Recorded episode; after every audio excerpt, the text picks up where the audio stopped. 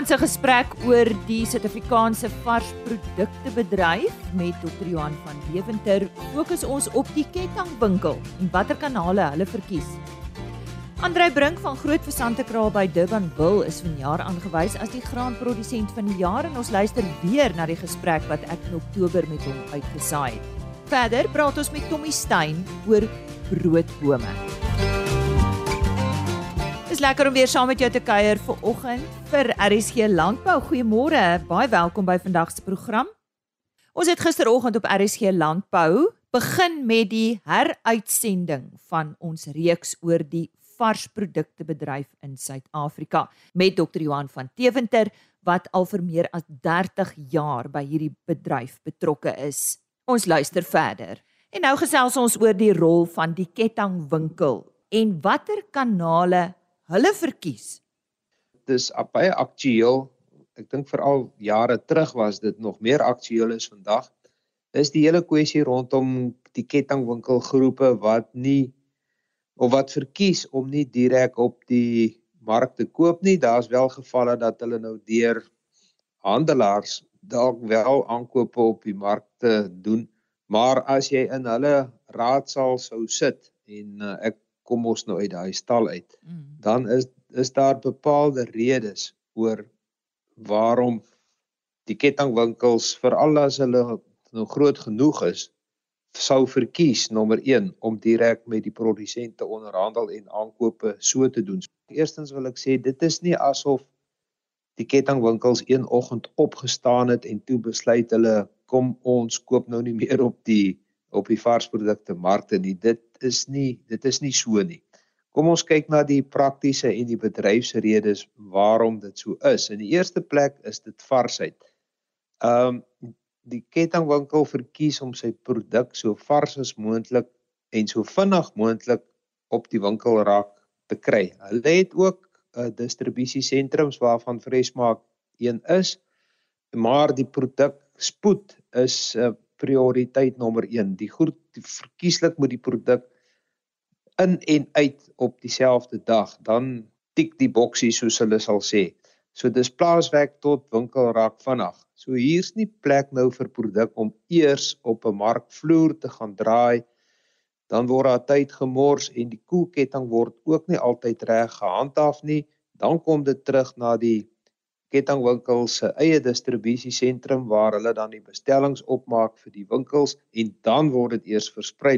Teen daai tyd is daai produk ten minste 2 dae oud. So daar kan 'n dag uitgehaal word. Nou het ons nog goed soos hantering. Dit kom nou van die plaas af, dit word afgelaai op die markvloer, dit word weer opgelaai, dit word by die kettingwinkels se distribusiesentrum weer afgelaai en dit word nog 'n keer gehanteer en weer opgelaai en dan by die winkel weer afgelaai. So dit is nie mm. wat 'n vars produk wil hê mm. met sy hantering nie. En in die hele proses is die koue ketting mos nou van kardinale belang. Nou is dit nie so vreeslik belangrik nie, dis winter. Uh mm. maar as dit somer is en kom ons praat nou maar van die Wes-Kaap waarvan ek nou eerste rangs kennis dra, Dan het ons party daar hierso veral Parel en Wellington in die wêreld is bekend vir hulle 40 grade plus. Mm. Dan kan jy nie so ketting hê nie. Dis glad nie ideaal nie want vermorsing gaan intree uh en hy doen. Dis produk wat gekoop is, dit gaan af, dit word weggegooi en ons mag nie met kos mors in hierdie land nie. En verder gaan dit daarom definitief oor die huisvrou se tevredenheid sy verwag ook daarom nog 'n 2 of 'n 3 dae van die produk om te hou. Sy gaan dit mos nie dadelik vandag nog alles gebruik nie. So dis een van die die die hoofredes. Johan speel verpakking 'n rol. As 'n mens net deur 'n kettingwinkel loop en jy kyk hoe in watter die watter manier is die produk verpak en hoe word dit aangebied, dan is dit nie so as jy oor die vars produkte mark se vloer loop nie. Dit is nie dieselfde verpakking nie, glad nie. So dit verskil van mekaar. So as die produk nie dit het weer te doen met die eerste punt. Jy kan nie bekostig om dit nou weer her te verpak nie. Dit moet verkieslik op die plaas gedoen word deur die produsent en hy is dan ook die een wat die waarde toevoeg. Elke produsent wil graag waarde toevoeg tot sy produk en dit gee ook werksgeleenthede eerder op die plaas as wat ons nog mense stede toe wil trek uh, vir die werke wat dan hier moet gebeur om vir die herverpakking. En jy die produk is omtrent alles word sal moet oorgepak word as jy sê alles kom van die mark af. So regte plek, kom ons doen dit op die plaas. En die markaankope veroorsaak ook ekstra vervoer en hantering soos ek reeds genoem het en dan verskoon die Engels maar alle produkte vandag het is dit stafie kodes wie sê jy kan dalk help mm, stafie mm. ja, ja barcodes. ja, barcodes ja. die, mhm. ja die traceability moet op wees met ander woorde die produsent en ook die verkoopsdatum die sell by date. So alles die, moet op die verpakking wees dis wet. So naspeurbaarheid is ook belangrik na, in die varsprodukte bedryf ja heeltemal ja. reg sodat as daar iets gebeur die produk terug uh kan terugspeur tot waar is hy gepak en hoekom het hier 'n fout gekom? En was hier dan nou 'n residu op wat nie daar mag wees nie ensovoorts ensovoorts en dan baie kettingwinkels verkies dat die produk eintlik klaar op die plaas ge, geprys word. So dit is ook dan wil ek amper sê 'n oop boek. Die boer sien presies waarvoor gaan sy produk verkoop En sekerlik kan hy dan nou maar ook beswaar maak as hy sien hierdie marge is te groot, maar dit is nou nie die rede nie, maar ek, ek noem dit nou maar net so. En die hele kwessie rondom voedselveiligheid. Ehm um, dis nie sommer enige iemand wat op 'n dag opstaan en dan lewer hy aan 'n aan 'n kettingwinkel nie. Daar's 'n hele prosedure wat nagekom word rondom voedselveiligheid soos met uitvoere. Ehm um, so dit is hulle word boere word eintlik maar uitgesoek. Ehm um, voor hulle kan lewer. Ag en dan's daar goed soos kontinuïteit en daar's etiek en dis 'n dis dis die lysie word lank en hierdie hierdie al hierdie redes maak dat die mark nie altyd die plek is vir aankope nie. Dis nie te sê dat die mark ons wil nie daardeur sê die mark het swakker kwaliteit nie. Dit is nie dit is 'n persepsie. Hmm. Dis nie die dis nie die waarheid nie want in baie gevalle is dit presies dieselfde produsent se produk wat jy op wat hom op die mark sal neersit wat ook in die kettingwinkel beland. Die een is net direk gegaan en die ander een is eers markvloer toe. So dit uit 'n verbruikersoogpunt is dit baie keer die, ook so dat die kettingwinkels se produsente veral as dit kom by die groot produsente wat ons het of die mega produsente hulle lewer aan al die kettingwinkels in baie van die gevalle. So dit is maar dieselfde produk en dan selfde boer sal ook produk op die mark lewer. So dit kan wees dat selfs die ouetjie wat daar op die straat smous ook van daai topkwaliteit mag hê. Nie altyd nie, maar hmm. dit is nie onmoontlik nie, glad nie. Johan, ek wil net uh, afsluit. Ek weet ons gaan nou nog praat oor die markte, maar hierdie beteken nie dat dit uiteindelik kan lei tot die sluiting van markte nie. Nee. Hmm. Weet ek het anderdag die voorbeeld genoem van 'n vergadering by Korkom waar ons so goed as wat ons moontlik kon die produk of die hele bedryf se syfers is nou ongelukkig nie altyd 'n vingerpunt weg nie. Maar ek dink ons eie praat nou by Freshmark se syfers is daarom al iets en dan kan ons die ander sindre dink ek redelik akkuraat raai. Hmm. En waarop dit toe neergekom het is dat indien ons van eie sou praat en ek kan dan geen rede dink waarom dit nie dieselfde sal wees in ander hoofprodukte soos aardappels, tomaties ensovoorts nie. Was die kettingwinkels almal saam 20 nie eers 20% van die bedryf se produksie nie. So 80% van dit wat geproduseer word gaan nog deur ander kanale waarvan die grootste een die varsprodukte markte gaan wees. Die raming is 60% van alles wat geproduseer word gaan nog deur die deur die varsprodukte markte. So nee, dit is nie 'n bedreiging vir sluiting nie, nie die een nie. Daar's mm. ander redes. Johan baie dankie. Ons het dan nou nog so twee bydraes van jou kant af. Waaroor gesels ons volgende? Dis dat die volgende ene is die bekommernis wat daar is in die hele bedryf oor ons markte en die markagente stelsel wil ek ook iets sê nie dat daar fout in daai kant is nie mm. Maar dit is oor die markte self uh, hulle instandhouding en hulle bestuur. Ons gaan 'n bietjie die soeklig daarop sit. Dis dan môreoggend op RSC Landbou sluit gerus weer by ons aan vir nog 'n gesprek met Dr. Johan van Deventer. Dr. Johan van Deventer is voormalige hoof van Freshmark wat natuurlik deel is van die Checkers Shoprite groep en hy was ook adjunkdirekteur van die Johannesburgse varsprodukte mark.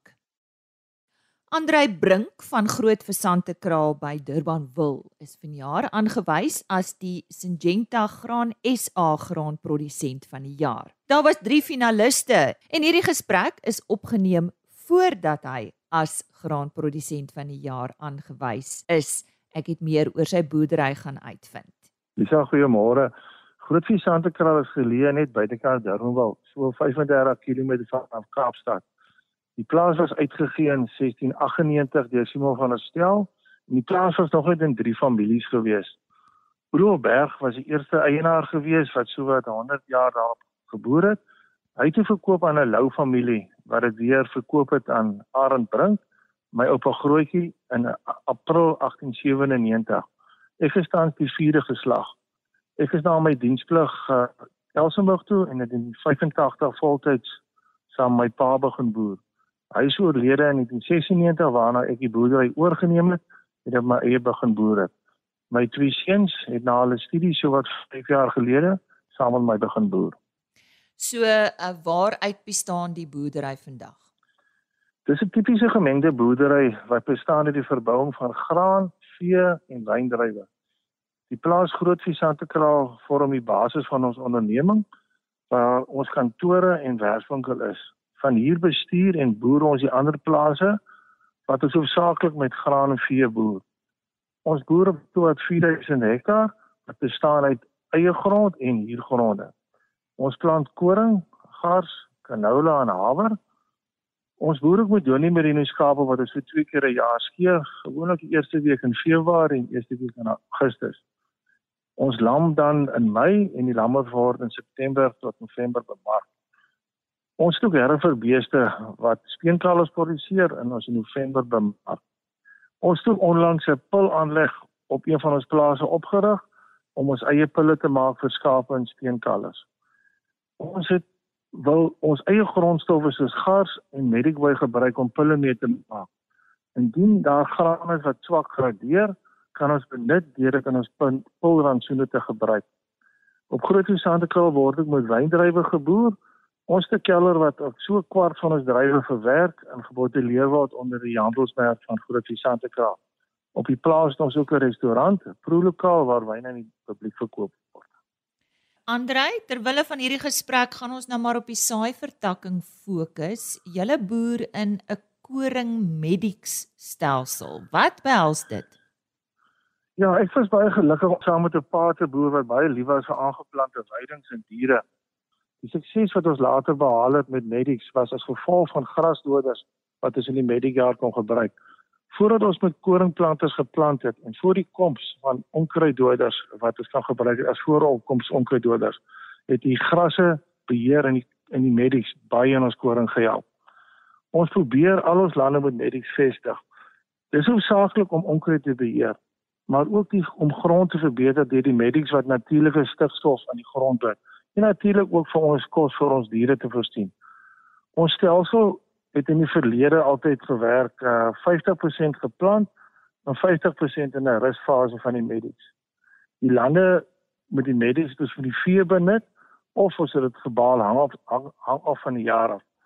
Met die verbetering van gronde en die hoër graanpryse het ons stadig beweeg na 'n stelsel wat ons 2/3 plant en 'n derde medies uh, gebruik ons bring canola aan die stelsel in. Die canola plant ons na die koringjaar en die onkruiddode wat ons in daai jaar in die canola gebruik, maak ons nie die medics dood nie, sodat daar voldoende saad vir ons vir die volgende jaar se saadbank. So ons tipiese stelsel is 'n as ek net 6 jaar kan gebruik is 'n koring opgevolg met medics, koring, canola, koring en medics. Dis het ons 'n 6 jaar siklus wat ons 4 jaar grane gebruik en 2 jaar medies gebruik. Net terloops, die gars beskou ons as koring in die stelsel.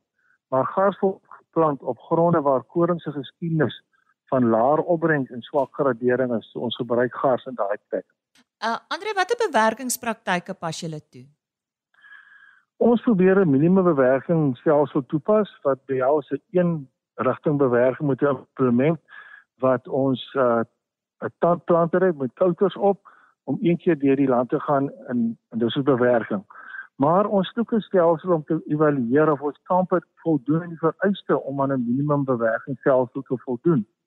As so kamp nie daaraan voldoen nie, dan moet ons 'n regstelling doen. Wat ons gewoonlik doen is ons vat grondonledings, ons kyk of daar fisiese beperkings is en ons stel dit reg. Ons maak baie gebruik van oorvloedreinering om vir om vir suidkolle te voorkom en dan word chemiese regstellings gedoen volgens grondmonsters. Dit sal tipies wees soos kalk, gips en fosfaat. Die eerste jaar na alles reggestel is, plant ons gewoonlik gars of canola om meer organiese materiaal op die grond te kry. As die as die kamp dan produseer soos ons dink hy of ons uh, as verwag moet produseer, dan word in die stelsel inbeweeg wat volg met die minimum werkingsstelsel vir die res van die boerdery. Dan weet ek speel presisie boerdery natuurlik 'n kardinale rol. Vertel ons waar en hoe julle dit hoe dit toegepas word. Ek is baie opgewonde toe toe uh, die GPS stelsel aan ons uh, bekend gestel is in die landbou. Presisie boerdery speel 'n baie belangrike rol by ons. Die optimale benutting van ons implemente se wytes en plasing van ons produk met GPS toerusting word tot in die fynste detail bestuur. Ons gebruik opbrengstate van ons stroopers, presisie grondmonsters, sogenaamde grid sampling gebruik ons. Ons gebruik satellietbeelde tydens die groeiseisoen en dan skryf ons ons eie toedieningskaarte. Ons belê in hoë tegnologie spuite en strooiers. Hierdie kunsmis en chemie van ons dierse koste items wat toegedien moet word. So ons toerusting sorg ons dat dit die beste op die mark beskikbaar is. Die meeste van ons trekkers en stroopers is ook toegerus met remotely beheerbare uh, instrumente wat jy van afstand kan beheer om die verstellings te kan doen en hulle vermoë te kan uh, reguleer.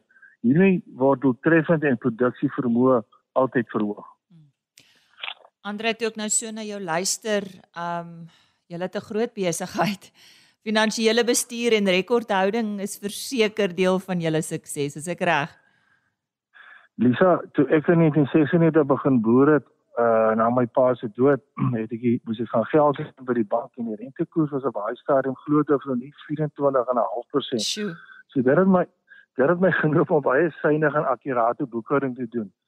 So ek is dus baie gestel op 'n goeie en akkurate boekhouding. Baie vroeg het ek 'n interne boekhoupersoon in my kantoor aangestel om my te help met finansiële take. So wat 10 jaar gelede het my pa eers gekry met 'n jong dame getrede rekenmeester wat by ons aangesluit is. Dit was een van my beste personeel aanstellings gewees. Die waarde van 'n SIA in ons besigheid was fenomenaal. Sy hanteer ons boekhouding, skakel met ouditeure, banke, al daai finansiële verpligtinge het sy van ons afgeneem op 'n militêre presisie manier. Ons is ook tans op 'n cloud-gebaseerde stelsel wat ek op enige tyd toegang kan kry om kostes en begrotings te monitor. Ons doen 'n jaarlikse beplanning wat opgevolg word deur kwartaallikse bestuursvergaderings om van stand van sake van ons begroting te monitor. Omdat landbou baie siklies van aard is, word dit baie maklik soos jy meer jare se data het om makliker besluite te neem. Kom ons gesels oor jou mense en gemeenskap. Watter rol speel hulle en hoe is jy betrokke by jou gemeenskap? In vandag se tyd met die orde grootte van ons boerdery, is ons mense ons grootste hulpbron. Sonder ons plaaswerkers kan 'n boerdery nie bestaan. Ons boerdery probeer regtig om terug te ploeg aan ons mense. Al ons werkers se kinders word gehelp met skoolkoste, skoolklere, vervoer, bydra tot skoolvelde, sportpanne word gedoen. Daar is ook beurse beskikbaar vir die wat verder wil studeer. En diensopleiding op verskillende posvlakke word ook aangemoedig dink die mees onlangse ding wat ons begin doen het is om vir ons werkers hulle eie huise te bekom in in die dorpe en dit was vir ons die grootste bydra die laaste tyd om vir ons eie mense behuising te gee. Mm-hmm. Om jou af te sluit, soos jy gesê het, jy boer al sedert 1985 in Suid-Afrika. So wat sê jy as mentor vir ander vandag? Ja, wie ek was gelukkig om baie lande in die wêreld te kan besoek, maar Suid-Afrika bied nog steeds vir die meeste stimulasie en die meeste genot om te kan boer hierso. Om 'n boer te wees is jy alreeds blootgestel aan langtermynbeplanning. Boerdery is 'n beroep waarin sukses oor tyd gemeet word. Dis beplan ek baie voor ek 'n besluit neem. My houtwerkonderwyser op skool het altyd gesê, dink 3 keer, nie 2 keer en saag net 1 keer. Jy moet nie jou tyd mors op iets wat jy nie kan verander nie. Dinge soos politiek, gaan dit reën, gaan dit nie reën nie. Gaan die son skyn, gaan dit nie son skyn. Wat gaan jy buite laat aan? En jou energie daar mors nie. Belangrikste is bepaal waar jy die meeste verandering kan aanbring met die minste moeite. Andrei Brink, die 2022 graanprodusent van die jaar van Groot Versante Kraal by Durbanville.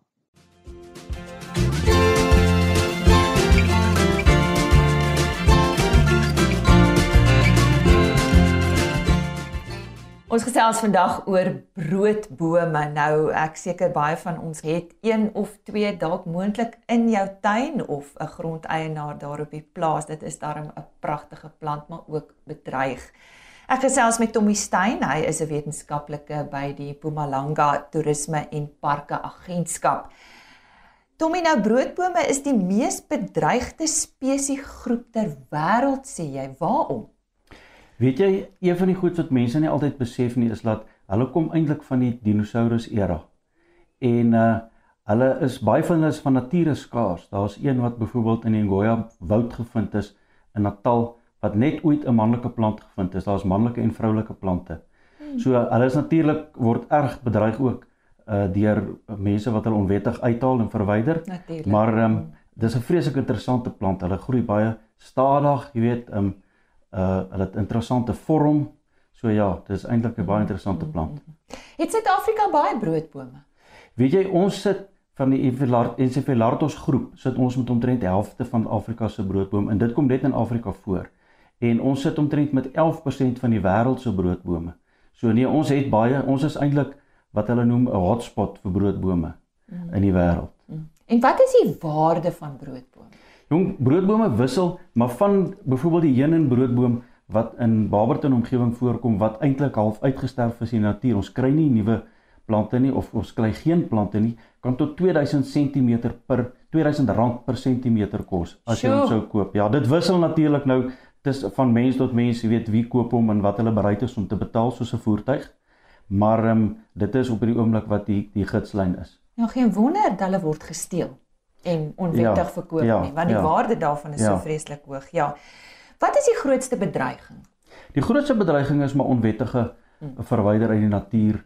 Um uh mense wat dit wil hê omdat hy in eerste plek 'n vreeslike mooi ding is. Dis 'n vreeslik interessante ding. Mense versamel hom, hulle wil 'n volledige versameling hê. Nou daar's wettige maniere om dit te versamel. Jy kan 'n wettige plantjie, klein plantjie koop, maar ongelukkig is daar mense wat graag 'n groot plant wil hê of hy kry 'n groot plant te koop op straat wat wat nie wettig is nie en dan uh is daar maniere waar die ouens dit maar wettig kry. Mm. En uh uh ons het al vreeslik baie gedoen om dit te verhoed. Jy weet, ons het al microchips in die stamme gesit. Ons vat DNA, um stabiele isotope.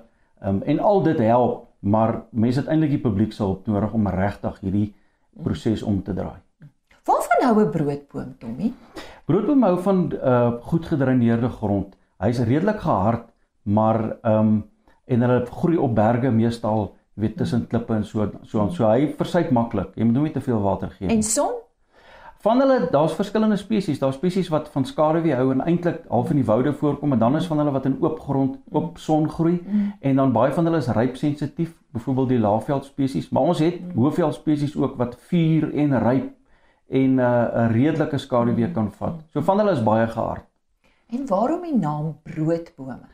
Die broodboom naam kom van mense het op 'n stadium vroeër jare van die stamme uit van die pitte se vleis afgehaal en dit gemaal, maar uh van dit is giftig. Dit is hoe die, wat die gerug is en uh Jan Smuts, generaal Jan Smuts het op sy tyd het hulle gevlug vir die Engelse in die Oos-Kaap in en toe het hulle van die broodbome se sade gevat en van dit geëet. Maar omdat dit giftig was, het baie van hulle verskriklik siek geraak en was half in 'n beswyming vir 'n paar dae gewees as gevolg van dit. So dit is nie regtig eetbaar teen sy uh, mense die regte proses volg nie wat ek nie seker ek het nog nooit gelees waar mense sê dis die proses en dis wat werk nie.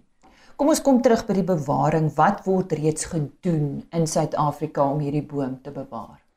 Ons het 'n nasionale strategie wat deur die staat en beide die privaat sektor almal ondersteun word. Ehm um, daar selfs 'n uh, groepe soos die Wild Cycad Conservancy wat onlangs gestig is wat met hulp van die buiteland af wat kyk daarna om grond te koop uh spesifiek waar hulle die broodbome kan beskerm en uh hulle hou ook 'n 'n 'n klomp plante in bewaring waar hulle dan hierdie spesifieke plante weer wil gebruik vorentoe vir hervestiging. Um, in die staat het ons self 'n klomp programme waar ons plante hervestig. Van sekere broodbome het ons nou al 'n hele paar duisend saad in die veld weer gaan terugplant uh in die hoop dat hulle oor die langtermyn sal oorleef. En wat kan ek as grondeienaar doen om julle te help om jy af te sluit? Vir ons die belangrikste ding is as ons by 'n grondeienaar se plek kom en daar's hekke en daar's slotte en daar's 'n veiligheidskamera en hy is in beheer van sy plek, dan beteken dit niemand gaan vinnig maklik onwettig ingaan rondry broodbome verwyder en hy weet wat op sy plek aangaan. Baie van die grondeienaars ondersteun ons ook met die hervestigingsprogramme. Ehm um, 90% van die tyd, 99% van die tyd weet 'n grondeienaar as daar broodbome op sy grond is. Dis vir ons belangrik want hy sê ook vir ons vinnig as daar iets fout gaan of iets gebeur, dan kan ons weer daarop optree of ons kan Westoepassing amptes bewus maak en hulle kan optree. Is die getalle besig om minder te word? Hulle is drasties hulle is of drasties, is daar 'n bietjie verbetering? Nee, hulle is drasties besig om af te neem. Van 19 uh 94 95 af het van die spesies feitelik gedaal tot uh enkele plante in die veld oor. Van hulle is nou wat ons sê uh, uh vermoedelik uitgesterf en dan is daar ook uh omstandighede waar daar daarom nog 'n sekere spesies is wat volop is soos die Mujaji broodboom en die Lebombo broodboom is redelik volop maar hulle word nog steeds gesteel. Ehm um, so dis werklik 'n probleem. Ja baie dankie aan Tommy Stein, hy is wetenskaplike by die Mpumalanga Toerisme en Sandpark Agentskap en hy het vandag met ons gesels oor broodbome, iets wat ons vir ons nageslag moet bewaar.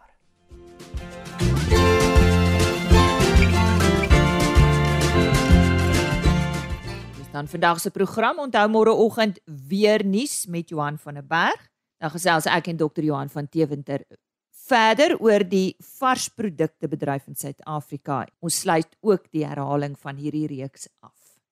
Maar daar's nog nie, so onthou om weer by ons aan te sluit. Ek sluit af met 'n e-posadres, stuur gerus 'n e-pos, rsglandbou by plaasmedia.co.za. Ek herhaal, rsglandbou by plaasmedia.co.za. Geniet die res van jou dag. Totsiens. RSG Landbou is 'n plaas media produksie met regisseur en aanbieder Lize Roberts en tegniese ondersteuning deur Jolande Rooi.